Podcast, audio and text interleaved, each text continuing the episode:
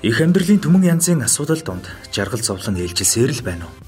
Эерэг бодол, эерэг мэдрэмж, эерэг харилцаа таны амьдралыг аз жаргалтай, сайн сайхан руу хөтлөх болно.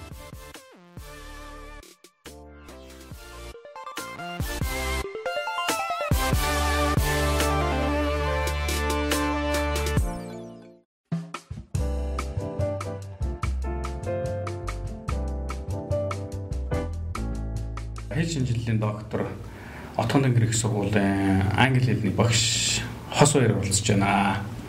За бид хоёр өнөөдөр юуны тухай ярилцах вэ гэхлээр COVID-19 ба сэтгэл зүй гэдэг юм сэдвээр ярилцсан. За COVID-19-тэй холбоотой ерөнхийдөө одоо ийм уур амьсгал бол баг бүтэн жил тойрох гээд ингээд явж байна. Тэгээ энэ хугацаанд бол одоо бид хоёр бол энд зөвхөн одоо нөгөө ковид-19 гэдэг энэ коронавирусын тухай ярихаас илүүтэйгээр яг сэтгэл зүйн асуудал энэтэй холбоотой ямар ямар сэтгэл зүйн асуудал үүсээд байгаа гадны улс орнуудад судлаачид яг энэ сэтгэл судлаачид энэ ковид-19-тэй ямар байр суурьтай ямар судалгаа шинжилгээний ажлууд хийж байгаа гэдэг энэ талаар бол ярилцсанаа. Гэтэ судалгаа шинжилгээний тэгэхээр хүмүүс бас жоохон ойлгохтой сонирхолтой зүйл байна гэж битээ одоороо бас айл болох сонирхолтой ингээд зөв сэтлэр ярилцах болно. За энэ өдрийн мэндийг хүргье. За энэ өдрийн мэндийг хүргэе. Эрэг подкастын сонсогчдоо. За баярлалаа. За хос хоёрын тухайд бол одоо Америк, Европын одоо те ковид-19-тэй холбоотой сэтгэл зүйн асуудлын талаар бас ингээд тодорхой хэмжээнд судалсан те яг ямар арга хэмжээ одоо сэтгэл зүйн талаас ч гэдэм юм. Аа Тэгээд э, ерөнхийдөө за би бол өөрөө сэтгэл зүйч одоо сэтгэл судлаач хүний байр суурин дээрээс одоо ингээд ковид-19 сэтгэл зүйн талаар бас ярих болно.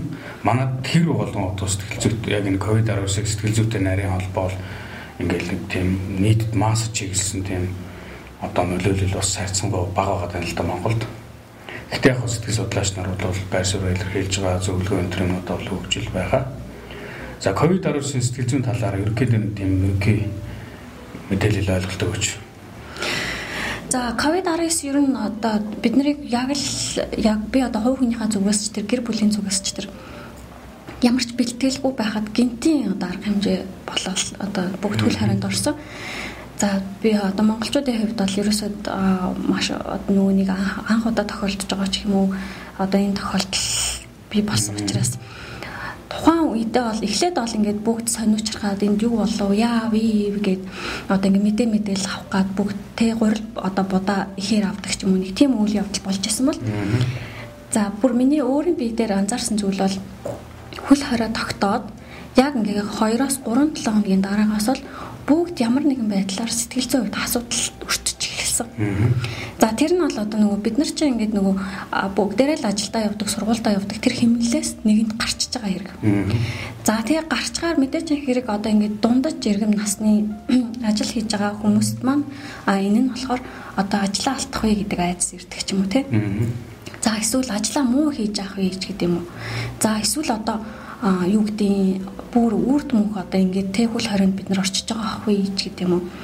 Гэх мэтчлэн юм сэтгэл түгшил одоо сэтгэл зовнил бүр ингэж тухайн хүнд ирж байна гэж анзаарсан. Тэгээд ингээд ямар нэгэн зүйлд анхаарал төвлөрүүлж чадахгүй байх. Байн байн мэдээ мэдээллийг одоо шалгах. За ковид-19-тэй холбоотой одоо нөгөө мэдээ мэдээллүүд байнга шинжилгэж байгаа. Тэрийг одоо байн байн олж харах өөр зүйл сэтгэл санаагаа төвлөрүүлж чадахгүй байх. За тэгснээ одоо ингээд тэр сэтгэл зовнил одоо ингээд энэ талаар чинь тодорхой хэмжээнд энгийн хэмжээнд судлахад одоо сэтгэл зовнилыг эмчлэхгүй ч юм уу эсвэл тэрэн дээр арга хэмжээ авахгүй удаан явахаар тэр нь эргээд нөгөө кортизол гэдэг нөгөө хүний тархлын системийг муудахдаг. За эсвэл одоо тэр нь цаашлаад тэр тархлын систем муудаад ирэхээрээ цаашлаад нөгөө ямар ч одоо энгийн вирус ямар ч тийм энгийн өвчнийг одоо өөрөө нөгөө ангаах тэр хэмжээнд тархлын систем нь ажиллаж чадгаа болдог. Цаашлаад өөрийн сэтгэл зүйн ч гэсэн тэрнтэйгээ тэмцэх чадамжгүй болох тийм аюултай учраас ер нь бол иймэрхүү байдалд орж байгаа тохиолдолд тухайн хүн өөрөө одоо тэр нөгөө тэрийгэ хянах за сэтгэл зовнилыг удаан үргэлжлүүлэхгүй байх дээр л арга хэмжээ авах хэрэгтэй байна гэж би хувьдаа бодсон. За тэгээд бас а одоо залуучууд эдгээр насны хүмүүст ийм тохиол одоо ийм байдал тохиолдож байгаа, ийм асуудал тулгарч байгаа бол бид нараас цаашлаад хүүхдүүдэд ямар асуудал тулгарч байгаа. За бүүн настаа одоо тий настаа одоо эмээ өвгөнөр маань ч юм уу одоо настаа хүмүүс маань бас ямар байдалд орж байгаа тухай бас нарийн бодож тэднэртэй бас зориулж одоо ямар нэгэн байдлаар зөвлөгөө өгөх шаардлагатай байна гэж тухайн үед бол бодож байсан. Аа зөв. За тэгэхээр яг биднэрт одоо шинэ манай Монголын нөхцөл байдалд бол яг энэ өвчнийг тусч чаддаг организмын хувьд бие махбодын хувьд яг энэ асуудлыг туулаад байгаа гэхээс илүүтэйгээр сэтгэл зүйн төр хямрал бэрхшээл юмнуудыг бол хайц одоо маш ихээр ингээд туулж даван туулж штэ. Тэгээ энэтэй холбоотой юу яаж юм л да. Аа одоо шинэ ковид-19-тэй холбоотой юм айдсууд янз бүрийн төрлийн айдсууд бий болж болсон байна. За нэгдүгürt бол нэг ковидос айх тийм ерөнхий айдс Тэ ковид-19 гэдэг өдөр болгон мэдээ бол янз бүрийн ингээл хүмүүс хажуугийн дэрэгдийн дэрэгдэх хүмүүс ч гэсэн яриад ингээл ерөнхийдөө нэг айхтар өвчний тухай гэдэг нэг юм ерөнхий айц тэр үнд бий болж. За энэ хүн болгонд үүсч. За дээрэс нь ажилгүйдлээс үүдсэн айц. Энэ ковид-19-с болоод одоо цомгтголд орсон ч байт юм уу те эсвэл одоо эргэлж исэн бизнес нь одоо хөлөөрөний улмаас урагшаага явах одоо боломжгүй болсон те ийм айц. Тэгээ нэг лээс үзсэн айдал. Тэгээ айдас энэ тэгээд нөгөө санхүүгийн асуудалтай бас холбогдож байгаа байхгүй. Тэгээ санхүүгийн айдастай холбогдсон тийм ээ. За дараагийнх нь бол нөгөө тусгаарлалтай айдас. Нөгөө хөл өрөөнд ороод тусгаарлалтанд орчихлоор тодорхой хэмжээнд нөгөө айдас төвшөө үүсдэг. За дараа нь нөгөө гэр бүлийн хүчирхийллээс үүдсэн айдас. Хүмүүс нь тусгаарлагдаад гэр бүлийн одоо одоо орчиндөө илүү их цаг хугацаа зарцуулаад хэрхэлдийн зөрчил үүсч эхэлж байгаа харилцааны гэдэг. Тэгээ эндээс үүдэлтэйгээр одоо гэр бүлийн хүчирхийлэл үүсгэж юм энэс үүдсэн айдас За дараагийнх нь бол нөгөө ахмад наснууд үүсэх айцтай.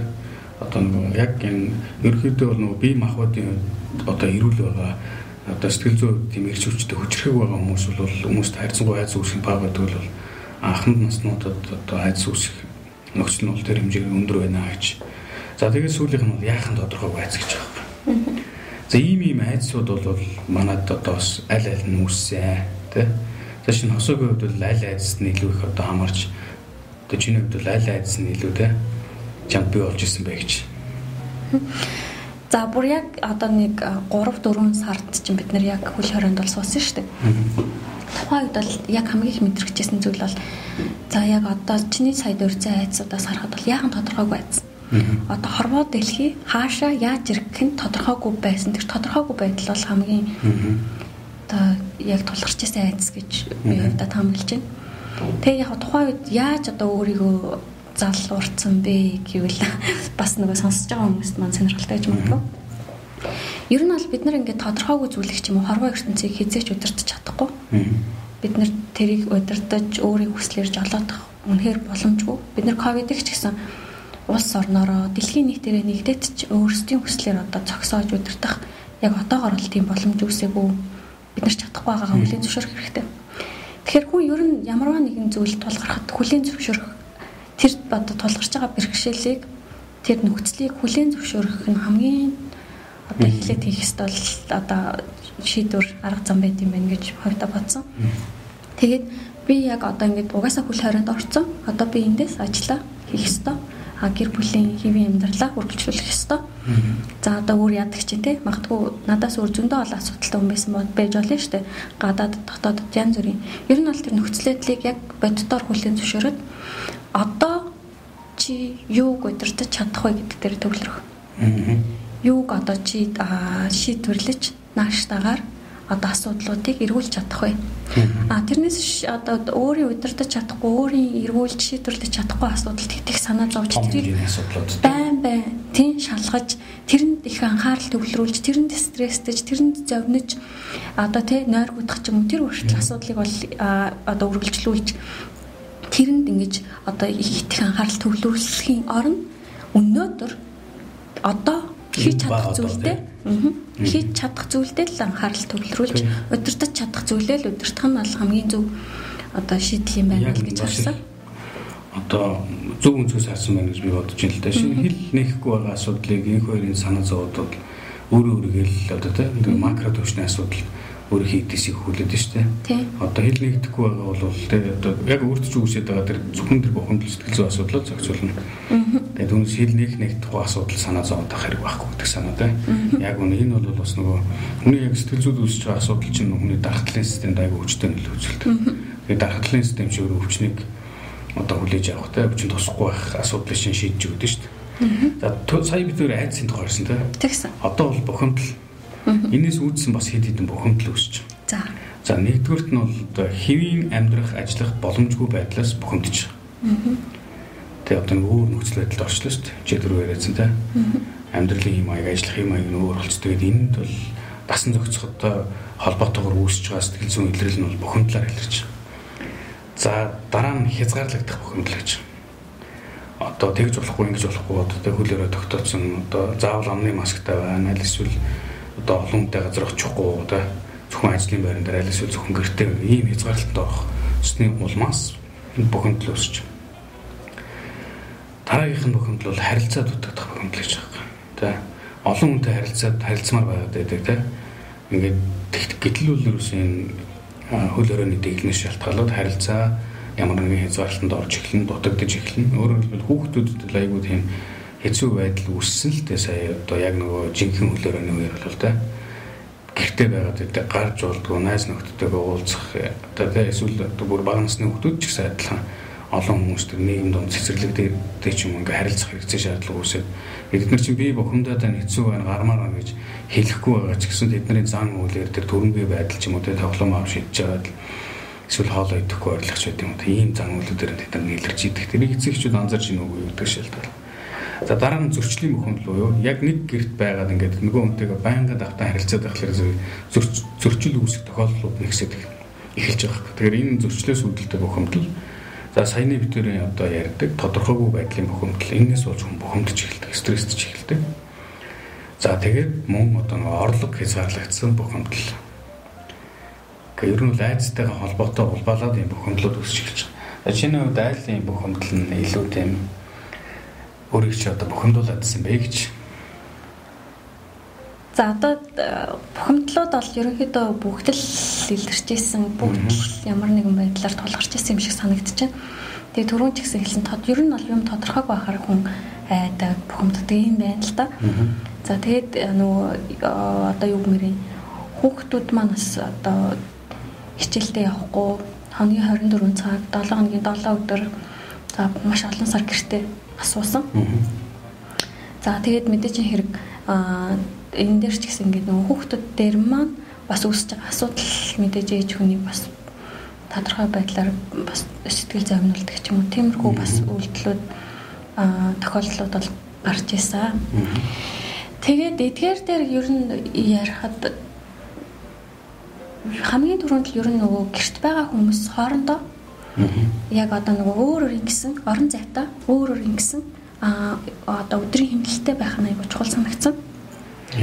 Тэгэхгүй одоо ингээд жишээлбэл бүгд л одоо ямар нэгэн тодорхойгүй байдлаар өдрийг өнгөрөх болцдог.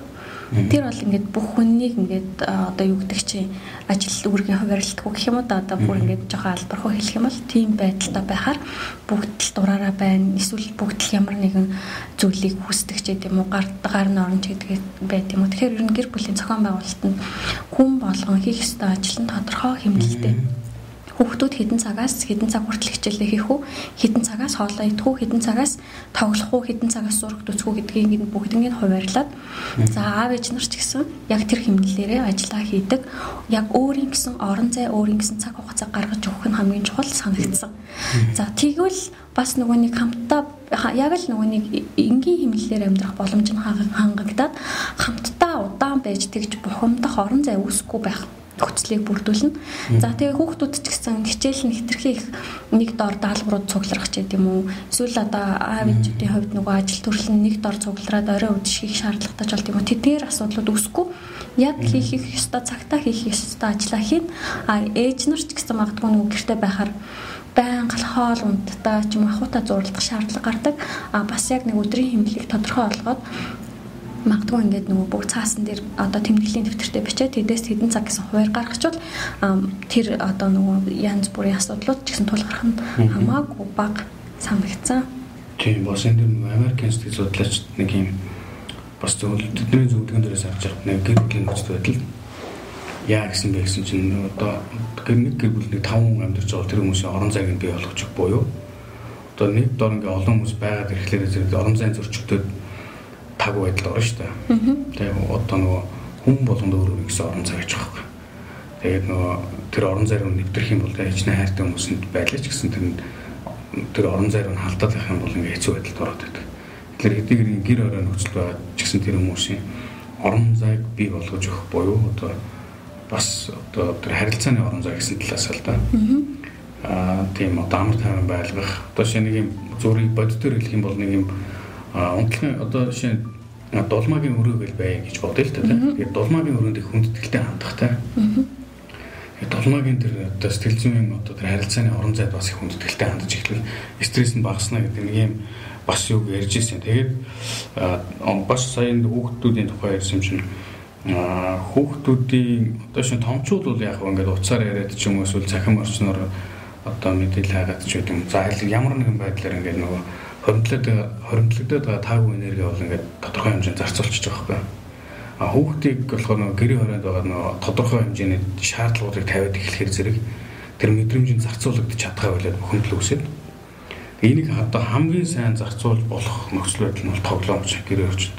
Ерөөсөл тоглоулаад гэж байгаа байхгүй. Тэ. Одоо 3 өдөр дараалал битүү тоглож байгаа хүүхдээ хараад ээж аав бохомч одоо тоглохоос өөр мэдээвлээ л тэ. Гэтэл энэ бол маш сайн идэвхтэй үйл ажиллагаа. Хангалттай сайн үйл ажиллагаа энэ ялангуяа нөгөө бага насны хүүхдүүд тэгж харах хэрэгтэй. Бид нар чинь нөгөө юмнаас уйдамхаа усууд шүү дээ тэ. Тэгээд үүн дээр нөгөө нэмээд яг манай хүүхдүүд бол ер нь өсвөр насны нас руу орж байгаа хүүхдүүд байгаа. Тэгэхээр өсвөр насны хүүхдүүдийг ялангуяа нөгөө нэг холбоо харилцаатай байх тэр хэрэгцээг нь бол аав ээж нар нөгөө хорилгүй хангаж өгөх нь айгүй чухал санагдсан. Хэдийгээр хорионд байгаа, хэдийгээр гэртээ сууж байгаа ч гэсэн аав ээж нар яг нөгөө сая одоо чиний хэлснээр хитрхи хувийн амьдрал нь тэр чинь хүүхэд ч гэсэн өөрийн гэсэн хувийн орон зай, хувийн амьдрал байгаа учраас тэрэнд нь ингэж халдаад тэрнтэй харьцан, тэрнтэй харьцахгүй гэж огт оролдож болохгүй. Ангийнхантайгаа харилцах, үерхэж нөхөрлөх бүхий л орон зайг нь яг хувь хүн талаас нь хүндэтгэлтэй хандханаас асар чухал санагцсан. Тийм тийм. За дараа нэг ийм асуудал байгаа байхгүй. Бид нар одоо шин за манай монголчууд бол нэг сэтгэл судлаач дандаа тэгэл сэтгэл зүйчдээд нэг юм түгээмэл түгээмэл биш л дээ энэ одоо хэм маягтай энэ одоо хэрэглээч гэдэг юм нэг талаасаа. Тэгэд одоо яг энэ ковидос үүдэлтэй сэтгэл зүйн асуудал үүсэж байна уу гэдэг зарим хүмүүс бол ингээд тэрийг мэдэрч байгаа. Зарим хүмүүс бол нэг анзаарахчгүй явж байгаа хта. Тэгээд тэр асуудал нь өөрийнх нь өдөр тутмын үйл ажиллагаа харилцаанд яаж нөлөөлөд байгаа гэж нэг тийм ерөнхий байдлаар хардаг юм хүмүүс байгаа хэл та. Тэгээд би зүгээр энд өөрийгөө ковидос үүдэлтэй юм стресс одоо сэтгэл зүйн асуудалд өртөж чинь үгүй гэдгийг мэдхийн тулд хэд хэдэн асуултыг асуусан. Одоо жишээлх юм бол та одоо богн одоо ойр ойрхон тийм ууртай, уцаартай бухимдалтай байна уу гэж энийг өөрөөсөө асууж байгаа юм Тэгэд э, таны анхаарал бас ингээд яг төвлөрч чадж гин үү? Тэ. Эсвэл нэг зүйл хийх гэтэл өөр зүйл рүү ингээд маш амархан анхааралтай сарнаад хийдэг болчихсон уу? За, гонигтай байгаад байна уу, тэ? Хэн нэгнээс өөрийгөө тусгаарлах гээд байна уу? За, дараагаар нь бол нойр хөдөл тэ одоо унтахгүй ингээд асуудал нойр одоо таныг зовоод байна уу гэд. Гэх мэтлийн хэд хэдэн асуултанд асуугаад тодорхой юм шинж тэмдэг танд илэрживэл тань сэтгэл зүйн одоо тодорхой асуудал үүсэж байгаа байна гэдэг. Энийг бол богино хэмжээнд асуудлаа шийдэх ёстой гэж. Одоо хасаагийн хувьд бол хэрвээ ийм шинж тэмдэг илэрдэг, илэрвэл те одоо ер нь илэржсэн бол яаж ийм өөр төрлийн арга хэмжээ авч хэрэгжүүлж хэрэгжүүлдэг вэ гэж асуух гэдэг л да одоо нөгөө чамаг ярьж явах санаанд орлоо л доо. Анхаарал төвлөрөх дээр бол үнэхээр асуудал гарч ирсэн. За бухимдал бол хаачч ер нь бол гайгүй байсан. Гэхдээ анхаарал төвлөрөх бол ингээд үнэхээр асуудал болж байна гэдгийг би өөрөө мэдчихсэн байхгүй. Одоо ингээл нөгөө яг л анхаарлаа төвлөрүүлэл тухайн үед бол ингээ гүйцэтгэх ёстой үүрэг даалгавар бүх юм ажлаа ингээл хийж л байгаа шүү дээ. Зайнаас ч гэсэн. За тэгэхэд ингээд нөгөө яг анхаарал төвлөрүүлэх ямар ч боломжгүй. Одоо ингээл тэр оронд тийм одоо маш туйлаатаагаар ингээл мэдээллүүд ирнэ. За тэр оронд тийм ковидын тэдэн одоо шинж тэмдэг хүмүүсээс илрээ тэгж эмнэлэг нь ачааллаа дийлхэ болоод тэгэл тэгэл тийм нөгөө нас баралтын тоон тэд боллоо гэл. Айлгаа шиг. Гэхдээ бүр ингээд тэр тэр болгоно үнэхээр айжсан. Тийм нөгөө нэг түрүү хэлсэнчлэн ингээд айц бол байсан. Тодорхой хэмжээний ингээд одоо юу гэмэрийн бас асуудлууд бол үүсэж байгаа байхгүй. Гэхдээ тэрийг бол тухайн үед хүн өөрөөс ерөөс анзаарахгүй. Анзаарахгүй байж байгаа дараа нь ингээд бодохоор яг ингээд тухайн үед айцтай байсан. Тодорхой хэмжээний юм одоо сэтгэл зовнил те сэтгэлийн төвшил бол байнга байсан. Ажлаа ингээд яг хэвийн хэмжээнд үргэлжлүүлэх гэхээр бас ингээд анхаарал төвлөрөхгүй байсан гэх асуудлууд байсан байгаа хөө. За тэрийг яг л одоо ингээд шийдвэрлэхийн тулд өөрийн зүгээс бол одоо ажлын орон зай, ажиллах тэр нөгөө нэг орон зай химнэл цаг хугацааг яг яг тогтоож өгөх. Өөртөө аюу хариуцлагатай ажиллах. За энэ одоо тэр ковидын асуудлыг бол би угаас шийдэж чадахгүй.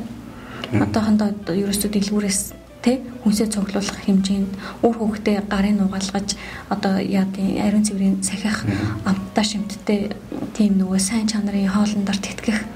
Тэдгээр асуудлыг л одоо би шийдэж чадах юм чи тэрэн дээр л анхаарлаа төвлөрүүлээ. Гэсэн л одоо байр суурьтай л байсан. Тэгээ энэ дээр нөгөө бас нэг ийм юм яваадсан шүү дээ. Яваадах ч яг угаасаа байгаадсан шүү дээ. Ингээд зураг телевизээр ч юм уу? Ингээд бүх мэдээллийн сувгуудаар ингээд мэдээллүүд явуулсан. Тэг нэг тийм гоё хийс сайхан хийс илүүтэйгээр те дандаа л нэг тийм сөрөг талын хүний сэтгэл зүйг одоо нэг жоохон тийм тавгүй байдалд оруулах. Угаасаа чинь өөрөө асуудал нь өөрөө тийм л асуудал шүү дээ. Гэвчэд л нөгөө ажлын байран дээр ч юм уу те эсвэл хамт байгаа хүмүүс ч үт юм тэгжээ гингүүт хүүшээ яана тийм болж штэ гэл ингээд царай зүсэн цонхойгоо олч юм уу те бүр ингээд нэг тийм давхар ингээд хүчөө хүч ингээд яриад байдаг те тэгснээл дараа нь араас нь дахиж нэг нь орж ирсэн одоо яана амьдрал амьдрал гэл ингээл те. Тийм агуулгатай юм. Наад чи бүр яг ингээд энэ бол ингээд яг ингээд хэдийгээр зургтай мэдээ сонсоод ингээд ажиллаа хийгээ сууд гаач гэсэн те. Ингээд нөгөө яг хажууд байгаа хүмүүс тэгж айхтар ноцтой яриад хахаар бүр үнэндээ нэг тийм. Энэ бол хүмүүс дотроо бодмоор юм билээ те. Хамт байгаа хүмүүст энэ миний реакц яаж хүчтэй нөлөө үзүүлэх вэ гэдэг бодох хэрэгтэй юм бэл. Тэгээд бас яг аль бие усны мэдээг л сонсон. Тэрнээс ш манай төрөл садны тэр тэнд ажилдаг тэгээ тийм болжээ гэл яг тухайд тэгчихсэн шүү дээ. Монгол дотоод ингээ алдсан байж штэ манайхаа ингээл би бүр ингээд амар нийттэйгээр бүр үннээ хэлэхэд хоёр удаа гарч 20 20 хэл гуйрал авсан хүн сууж байна. Тэгээд одоо нөгөө бас ингээ саяхан нэг тийм ангооч юм уу тийм яваадсан. За нөгөө гурилчин дууссан уу гэд сая олон нийтийн сүлжээнд яригдчихсан байхгүй тийм. Ихэнх айлууд одоо тэгэл дуусаачгүй бүр талдаач ороогүй хизээч тийм гурил будаа хиддэг айл биш учраас зүгээр л тухайн үед ингээл яг үннийг хэлэхэд сандраал болгоомжтой гурил авсан юм. Тийм. Тэгэл ерөөсөө ингээл хамгийн түрүүнд нөгөө хүнс одоо нөгөө Европын орнуудын хүнсний дангуу нь хоосорсон, нойлын цаас нь хоосорсныг хараад одоо хүмүүс ч нэг тэгдэг шүү дээ ингээл байж яснаа зөв зүгээр тайван байж яснаа одоо дилинк гэх юм уу да дилинкийн сандралтаа л хүүхээр дилинкээ нэг дагдаг тийм нэг одоо үйлдэл гаргадаг та. Ерөөсө тэр тэр нь яг оюуханаар зохицуулагдахгүй хүний суур инстинкттэй. Тийм. Тэгээ суур инстинкт дээрээ нөгөө за ялангуяа их хүн одоо эцэг хүн тий үр төлөө яаж тий өсөхгүй байх уу гэдэг ч юм уу нэг тийм юм тэр инстинкттэй хөтлөгдөөл шууд хоол хүнсрүүл одоо яадаг юм шиг цуглуулж эхэлдэг юм шиг. Уцаар нөгөө хэрэгцээ нь одоо яг нөгөө хамгийн анхдагч хэрэгцээнүүд рүү тэмүүлээл тий. Тэгэл тэрнийхээ төлөө амиач өхөөс буцаа байгаа л тэгэл та хүнээ байгаа л да. Тийм тэр гурил будаа булаацтаж мулаацтаж авах юу ч шалах юм шиг байгаа. Тэгэхээр ер нь бас нөгөө хэдүүлээ ер нь ингээл нийтээр тухайн нөхцөл байдал тааруулчихсан өөрсдөө яаж Одоо эргээр жолоодох уу гэдэг тас суралцах бүс нин шаардлагатай. Тэгээ энэ Польшид нэг хэсэг судлаач, сэтгэл судлаач нар яг энэ нөгөө ковидтэй холбоотой төгшөөрийг үнэлэх юм 7 бүлэг зүйлтэй нэлээд тийм цогц хэмжээний тест боловсруулсан байна л да асуулга. Тэгээ үүгээрээ судалгаа нэг тийм дундаж үзүүлэлт гаргаж ирэхэд бол энэ зовнил төгшөөр үехэд тийм зонхолсон байдалтай байгаа юм байна нийт одоо тийм яг энэ судалгааны аргачлалын угаар ингээд судалж гаргаж ирсэн юм юу байна. Тэгээ манад ч гэсэн яг нэг ингээд хүмүүсээс нийт юугаар судлаад төгшүүр нь ямар байна нэтэр гэдгийг судалдаг цаг хэзээ болох юм бол доо гэж. За энэний дараагаар яг хөө зүгээр одоо яг энэ эрг подкаст чинь дандаа эрг сэтгэл зүйн талаарх юмнуудыг ярилцсан. Тэгээ ковид 19-тэй холбоотой байж болох одоо сэтгэл зүй ямар байх юм бэ? Ямар байх ёстой те? Ер нь бол одоо нөгөө бухимдалтай болох юм байна, айцтай болох юм байна, төгшүүртэй болох юм байна, тэгвэл энэс яаж одоо энийг даун туулах юм бэ гэдэг ийм ерөнхий асуудлыг яриад байна. Мэдээж яг нөгөө одоо спортоор хичээллэхтэй өөр зүйл цаг зарцуулах, үйл ажиллагааныхаа төрлийг солих, агаарт алхахтай ковидын талаар бодохгүй байх яг ингээд дэглэмээ сахиад өөр зүйл аз жаргалтай сайн сайхны тухай бодох, бясалгал хийх ч гэдэг юм уу те. Хоббигоороо хичээллэхтэй гэх мэтлэн ингээд энэ сэтгэл зүгээд тэнцвэртэй доктортой байхын хувьд бол авч болох арга замууд маш тодорхой байгаад байна. Манайхан ч гэсэн одоо харин гэхдээ харьцангуй манайхан бол 50 байсан манай монголчууд би тэгж үздэг шүү дээ. Тийм. Харьцангуй юмыг тоодгүй тэр зан чанар нь бол бас гайхамшигтай. Бас энэ тохиолдолд бол сайнаар үйлсэн. За тэгээ энэ зүгээр чиний хувьд яг юу гэж анзаарчихсан? Яг энэ ковидын бас үүдэлтэйгээр ямар ямар боломжууд гарч ирсэн хов хүн дээр те бас магадгүй сэтгэл зүйн хөдөлж байд юм уу те тэгээд ажил мэргэжлээ хөдөлж байд юм уу ямар ямар боломжууд гарч ирсэн гэж чи бодож байна вэ? Тэгээд яг одоо нөгөө боломж гэвэл үүндээ бас биднэрт ковид одоо сайнаар харахыг хичээгээд харуул байгаа. Жишээлбэл одоо гэр бүлтэйгээ бид нар хизээч тэгж одоо цагийг өнгөрүүлж үр хүүхдээ хизээч тэгж нарийн дэлгэрэнгүй сонсож үзсэн үү? Зуны амралт хэдийгээр одоо ингэ болдог ч гэсэн нөгөө нэг аав ээжийн зуны амралт, хүүхдүүдийн зуны амралт таарч тохирох За тэгээд зуны амралтаар хөдөө гадаа явах гэх олон үйл ажиллагаануудыг амжилтдаг учраас бид нэр яг тэгж хүүхдтэйгээ завгүй өнгөрчдөг үстэй. Яг гэр бүлэрээ халуун ам бүлэрээ тэгж бүтэн сарыг ч юм уу ингэж 7 хоногийг ч юм өнгөрүүлээ. Тэгээд хүүхдийнхаа яг байр байдлыг шинжээд одоо тэр мэдрэмжээ яаж ил гаргаж байгааг нь хараад за тэгээд яг илэн талангуу те бүр ингээ ярилцаа тэр цагийг бол яг үнэхээр энэ хөл хорионы хугацаанд бол бид нар одоо одоо тэр цаг хугацааг л мэдэрсэн.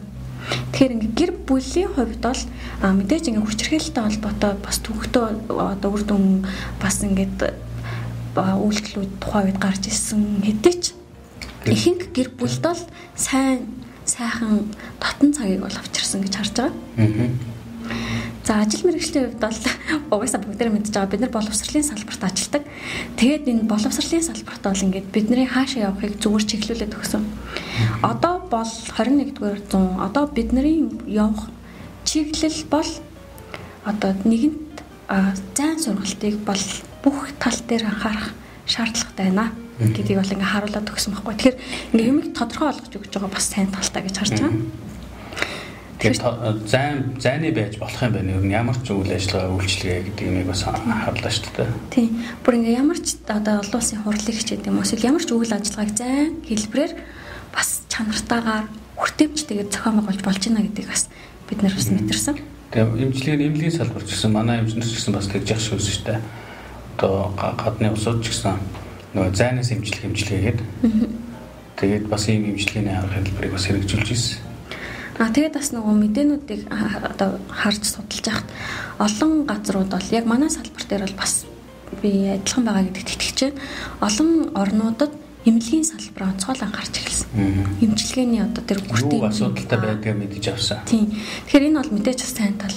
Ягаад гэвэл одоо цаашид одоо энэ эмнэлгийн одоо энэ эмчилгээ хийх одоо энэ хүртээ эмч эмчнэрийн чадварч гэдэг юм уу, байр сууц гэдэг юм тэр бүх асуудлыг бол одоо ингээд хэрвээ бид нэр дээд зэрэгээр шийдэж чадах юм бол дараагийн асуудлуудад бэлэн байх боломжтой болж байгаа. За яг үнэ одоо тэр ялангуяа гэр бүлийн хувьд бол яг одоо сэтгэл хөдлөл мэдрэмжтэй тэр харилцаагаа зохицуулах дээр бол бас нэлээд тийм тодорхой одоо ойлголтууд бий болсон ахиц дэвшил гарсан гэж биш бодоод байгаа юм. Хүүхдүүдтэй цагийг өнгөрөөж тэ. Энэ чинь нэг улсаас бүр ингэ цаанаас ингэ зохицоод өгч яг гэртээ байцгаа гэдэг. Тэгээ яг тийм дотор ингэ харилцаад хүмүүс биений ойлголцох. Ийм боломж бүрдсэн. Тэгээ харилцааны тодорхой юм одоо чадварууд ч байд юм уу гэр бүл үүсгэсэн асуудлууд тодорхой ийм өөр төвшөнд гарах боломж бас нэгдсэн гэж би бас бодож байгаа. Тэгээд бас нэг юм нэмж хэлэхэд нэр яг одоо жишээлбэл манай залуу гэр бүлүүд нөгөө мөнгө хадгалах сейвинг гэж ярьдаг шүү дээ. Тэрэн дээр ямар байр суурьтай байдаг вэ? Тэрийг бол бас бодууштай юм шиг санагдсан. Саяны ковидын хөл хорионы үеэр бол нэг том санал өгсөн нь одоо ям заавал гэр бүл болгон сейвингтэй байна уу? Бороотой өдрүүдэд хэрэглэх мөнгөтэй байхыг бас яг үнэлэхэд би сануулж байна гэж харсан. Тэрийг бол одоо ингээд энгийн цагуудад бол хүмүүс мэддэггүй. Гэтэл яг одоо ийм пандемик тэ дэлхийн нийтийг хамарсан цар тахал гарахад бол хүн болгон тэр тухай бас бодож эхэлсэн гэж найдаж байгаа. Аа тэгээд бас нөгөө яг яг манай гэр бүл тохиолдсон үйл явдал гэх юм бол миний өсвөр насны охин бол ингээд одоо бас ээжтэйгээ тэр чинь ингээд найз нөхдөөгөө баян байх цаг хугацаанд ээж аавтайгаа дүүтэйгээ байх болчихж байгаа шүү дээ.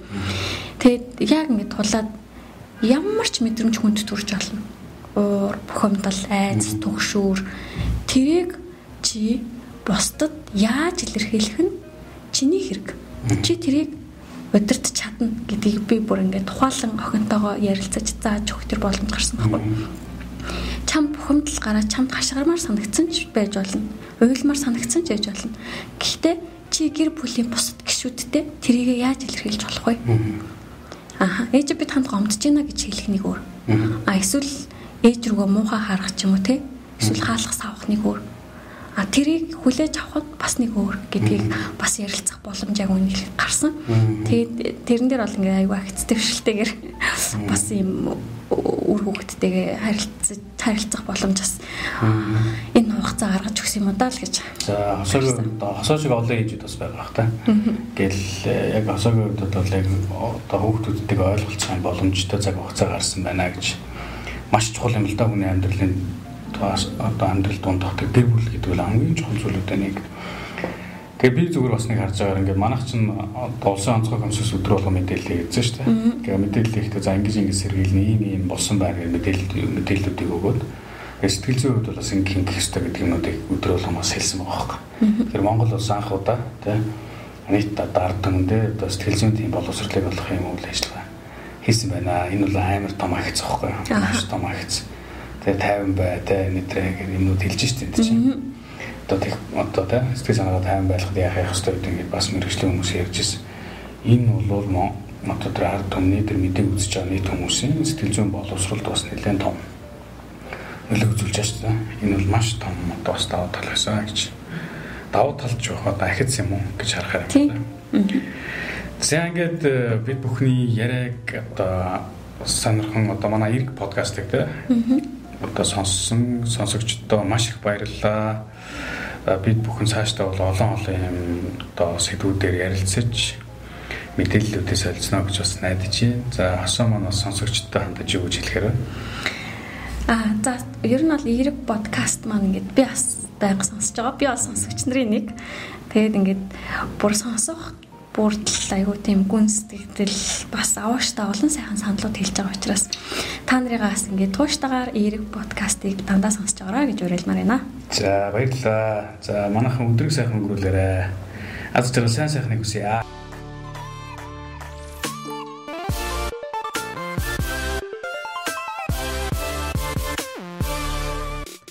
Эрэг подкасттай хамт байсан сонсогч танд баярлалаа. Танд сайн сайхныг хүсье.